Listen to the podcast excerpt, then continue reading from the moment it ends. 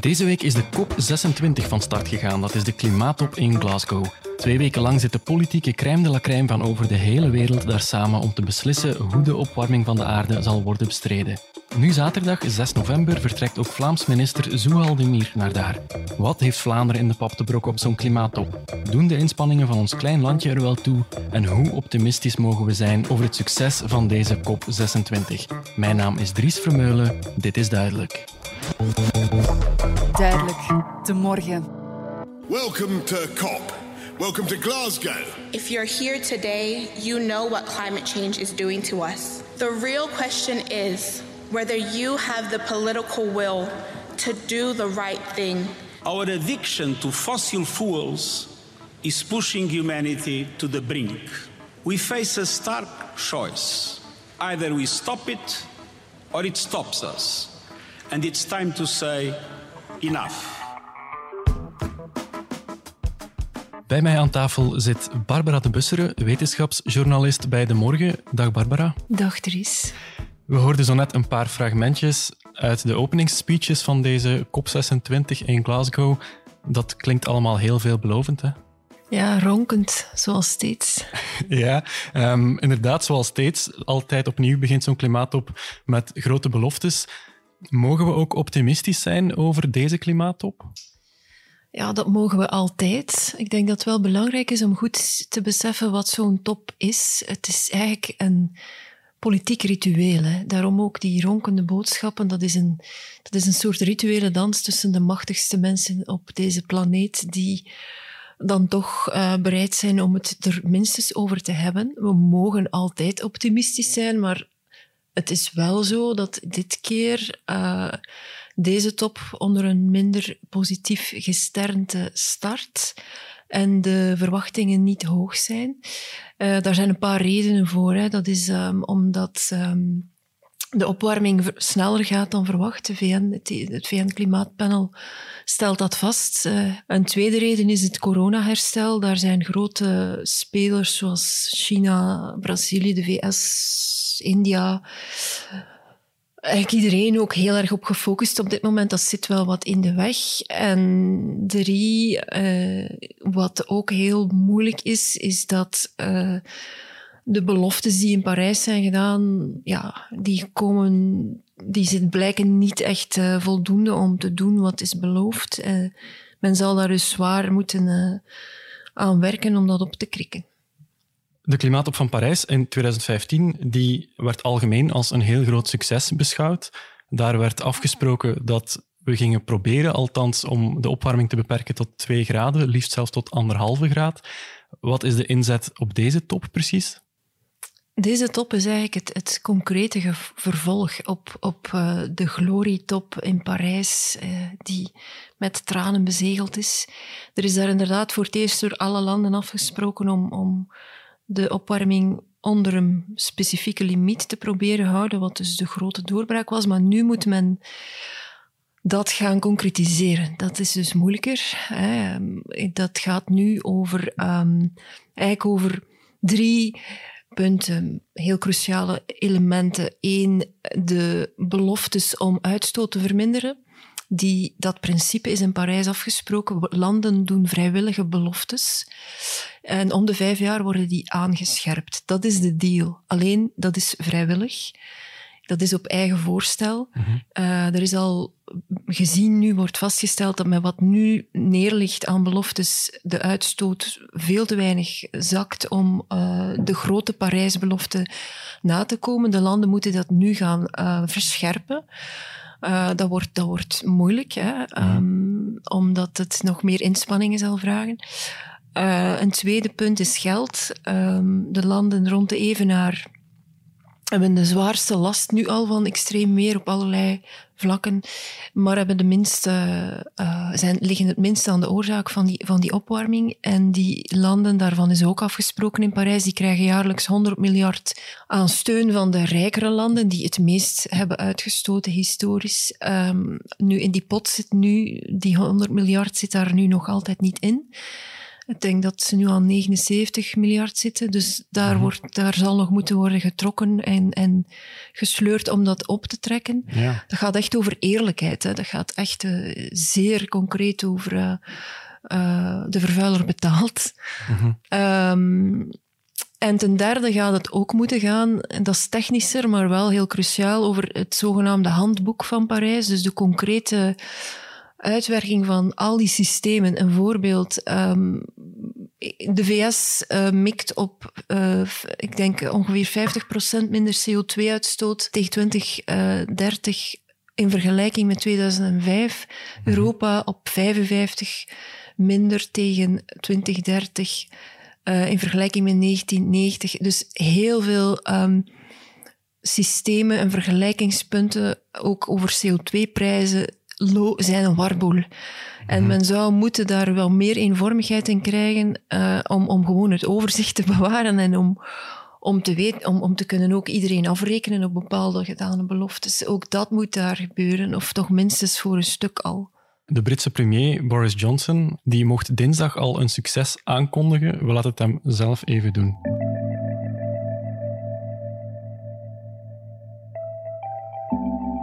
They've made a landmark commitment to work together to halt and reverse deforestation and land degradation by 2030. Not just halt, but reverse. And that means more leaders than ever before have now signed up to protect our forests from countries in the north and the south with temperate forests, tropical forests, and including nations like China, Russia, Brazil, some of the largest forest estates in the world. Tegen 2030 maken we met z'n allen een einde aan de ontbossing, Barbara. Ja, blijkbaar.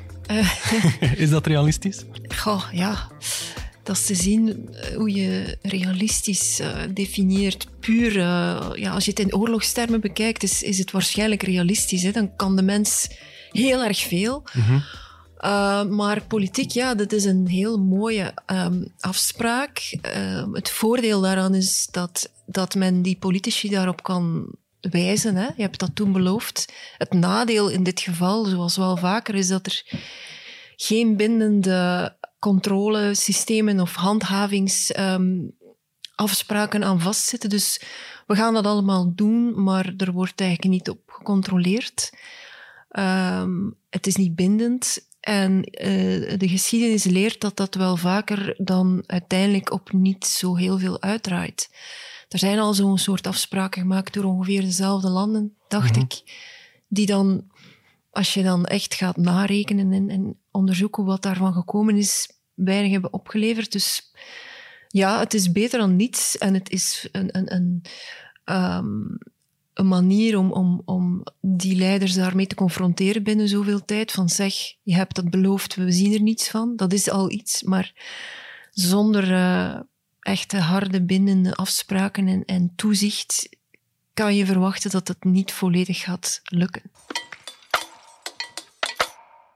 Nu zaterdag gaat ook Vlaams klimaatminister Zoal de Mier naar Glasgow. Ze zal daar de Vlaamse klimaatplannen voorleggen, maar op het moment dat deze podcast verschijnt, is er nog altijd geen akkoord over die plannen. Er wordt nog hevig gedebatteerd over wat die precies moeten inhouden. Dus ik heb even gevraagd aan Anne Boek, politiek journalist bij onze krant, wat daar precies allemaal op tafel ligt.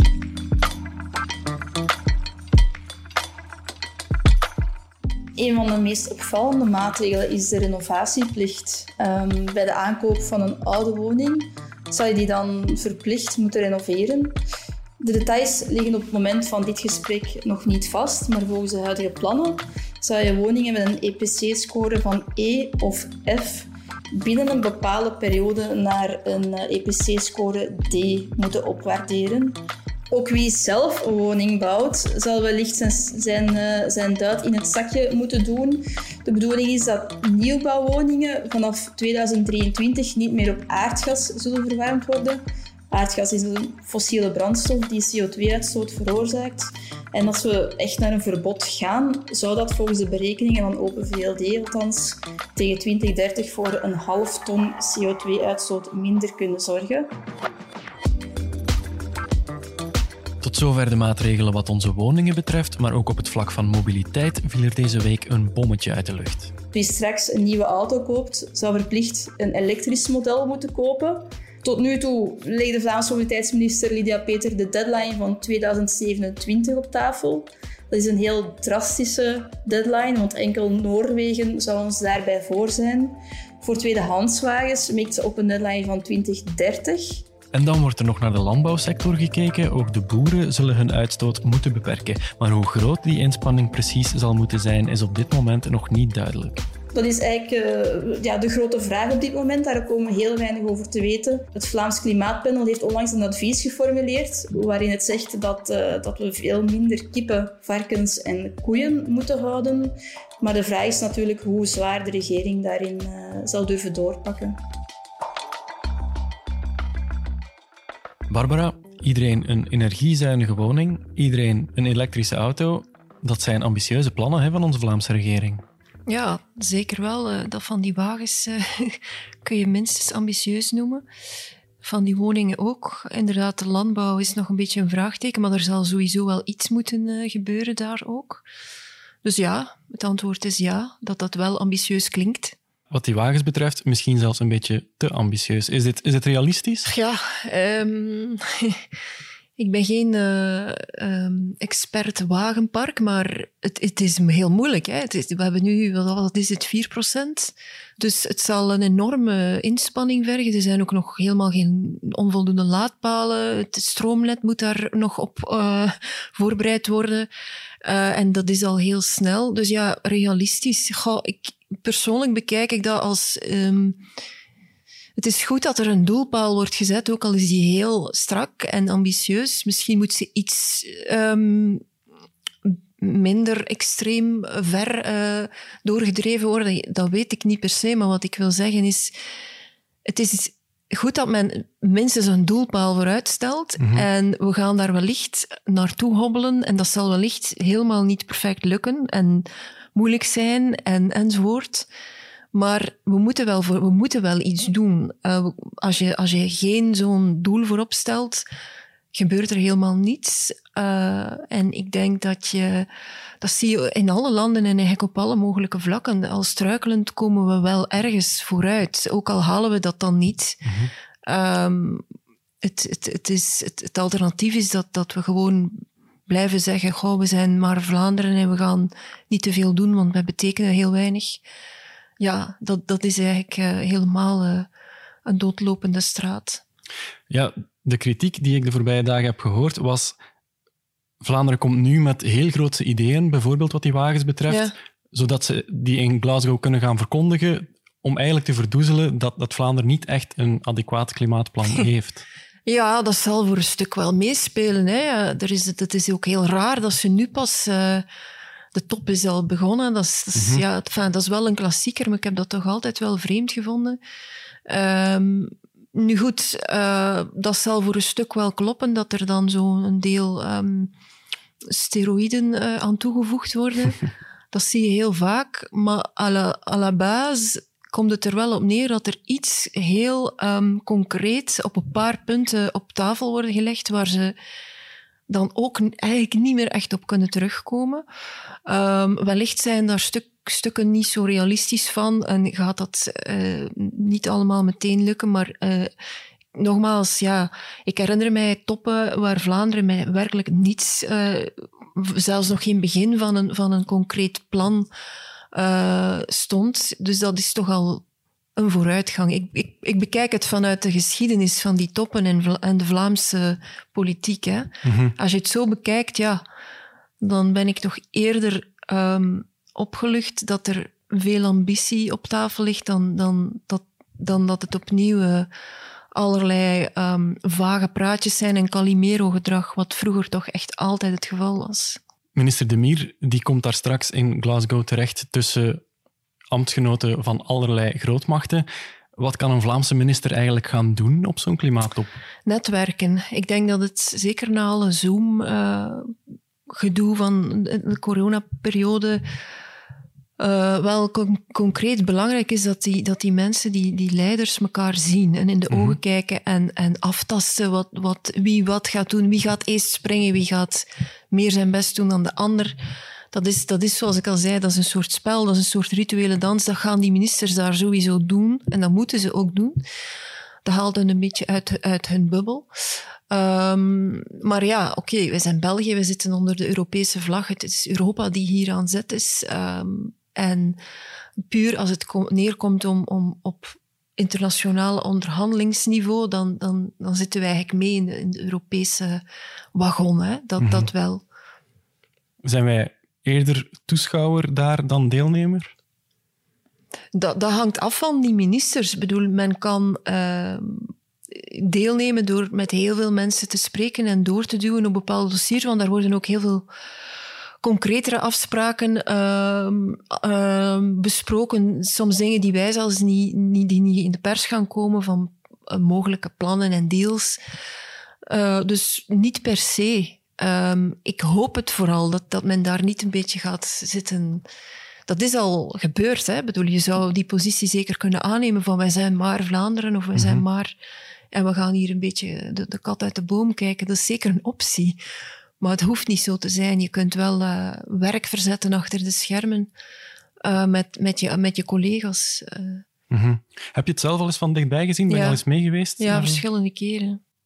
en met welke minister was dat dan? Joke Schouwvliegen. Tobak, daar nog veel voor. Tobak was in, in, in Kenia. Um, Joke Schouwvliegen en Melchior Wattele ook. En hoe was, hoe was die ervaring voor jou? Goh, ja, dat is een heel speciaal sfeer. Dat is echt een, uh, een soort um, jamboree-achtige sfeer. uh, een, een, een heel hectische, specifieke, speciale dynamiek. Je, je weet eens niet wie wat allemaal aan het doen is. Uh, er zijn hele verschillende debatten, heel high level, echt tussen de wereldleiders. En dan hele kleine side events en alles daartussen. Het is echt een wirwar. Uh, wat er heel typisch aan is, is dat men echt tot het gaatje gaat om, om bepaalde afspraken rond te krijgen, dat daar zelfs taalkundigen aan te pas komen, uh, diplomatie, um, um, echt in, in kringetjes gaan staan om toch nog iets uit de brand te slepen. Mm -hmm. Dat is heel speciaal om te zien. Uh, dat gaat ook soms nachten door, zeker naar het einde toe. Dus het is niet dat dat alleen maar een formele saaie um, papieren uh, bijeenkomst is waar mannen, waar mannen en vrouwen een paar uh, hokjes afvinken. Helemaal niet zelfs. Het is echt een, uh, ja, een, soort rituele politieke boxmatch of zo.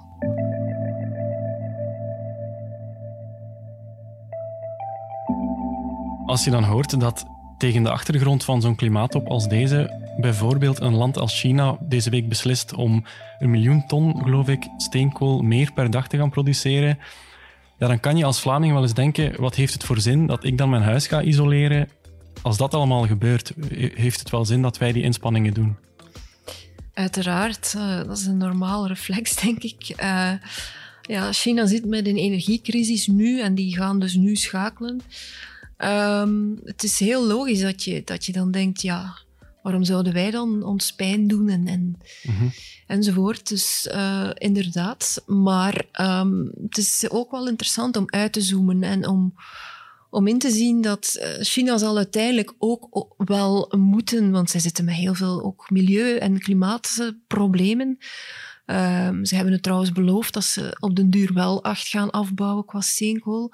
Dus op zich niet altijd zo zichtbaar. Onder de radar is, zit de wereld echt in de richting van veel minder fossiel. Um, er wordt veel minder in geïnvesteerd, technologisch, um, economisch is dat een af, aftakelende um, energiebron. Mm -hmm. En dus ja, het, het is slim om toch al veel te doen, omdat je dan mee bent. Het is heel, helemaal niet zo slim om helemaal achterop te hinken en, en te remmen en, en af te wachten, want dan verlies je ook. Hè. Die verliest terrein op allerlei vlakken, technologisch, innovatief, maar ook qua fondsen, want er gaan ook subsidies komen vanuit Europa om allerlei zaken te kunnen realiseren. Dus een houding van uh, we, gaan, we gaan niets doen, want anderen doen ook nog niets, is psychologisch wel begrijpelijk, maar, maar is eigenlijk helemaal niet zo, zo slim. Bovendien, eh, als het gaat over verbranding uh, van fossiele brandstoffen in auto's, in fabrieken, in huizen, verwarming, mm -hmm. uh, dan gaat het niet alleen over CO2 en opwarming, maar ook over gezondheid. Hè. We, we, zijn ja. in ons land kampioen in, in fijn stof en, en in uh, luchtwegenaandoeningen, maar zelfs ook impact op, op, op concentratie, op onze hersencapaciteit. Dat, is onder, dat, dat blijkt meer en meer ook een gezondheidsprobleem. Dus mm -hmm. in die zin hebben we er toch wel belang bij. En, en het ja, het is wel zo dat sommige landen nog minder ontwikkeld zijn dan, dan wij en dat zij eigenlijk nog een kans willen om eerst nog ja, een, eh, een stap vooruit te doen economisch. Dat, daar zit de hele frictie natuurlijk. Daar, daar is eigenlijk heel weinig marge nog voor. Mm Maar de omwentelingen gebeuren niet tegelijkertijd. Dat, dat is nu eenmaal zo. En dat is niet per se een ramp, denk ik. Ik kan me niet van de indruk ontdoen dat er toch altijd een beetje een cynisch sfeertje rond zo'n klimaat ophangt. Vlaanderen dat nu tegen de deadline aanschuurt om toch maar met een klimaatakkoord naar daar te kunnen vertrekken. Die grote beloftes over die ontbossing, waarvan dan nu al wordt gezegd, ja, in de praktijk zou dat wel eens kunnen tegenvallen. Mogen we ook een beetje optimistisch zijn over die strijd voor ons klimaat?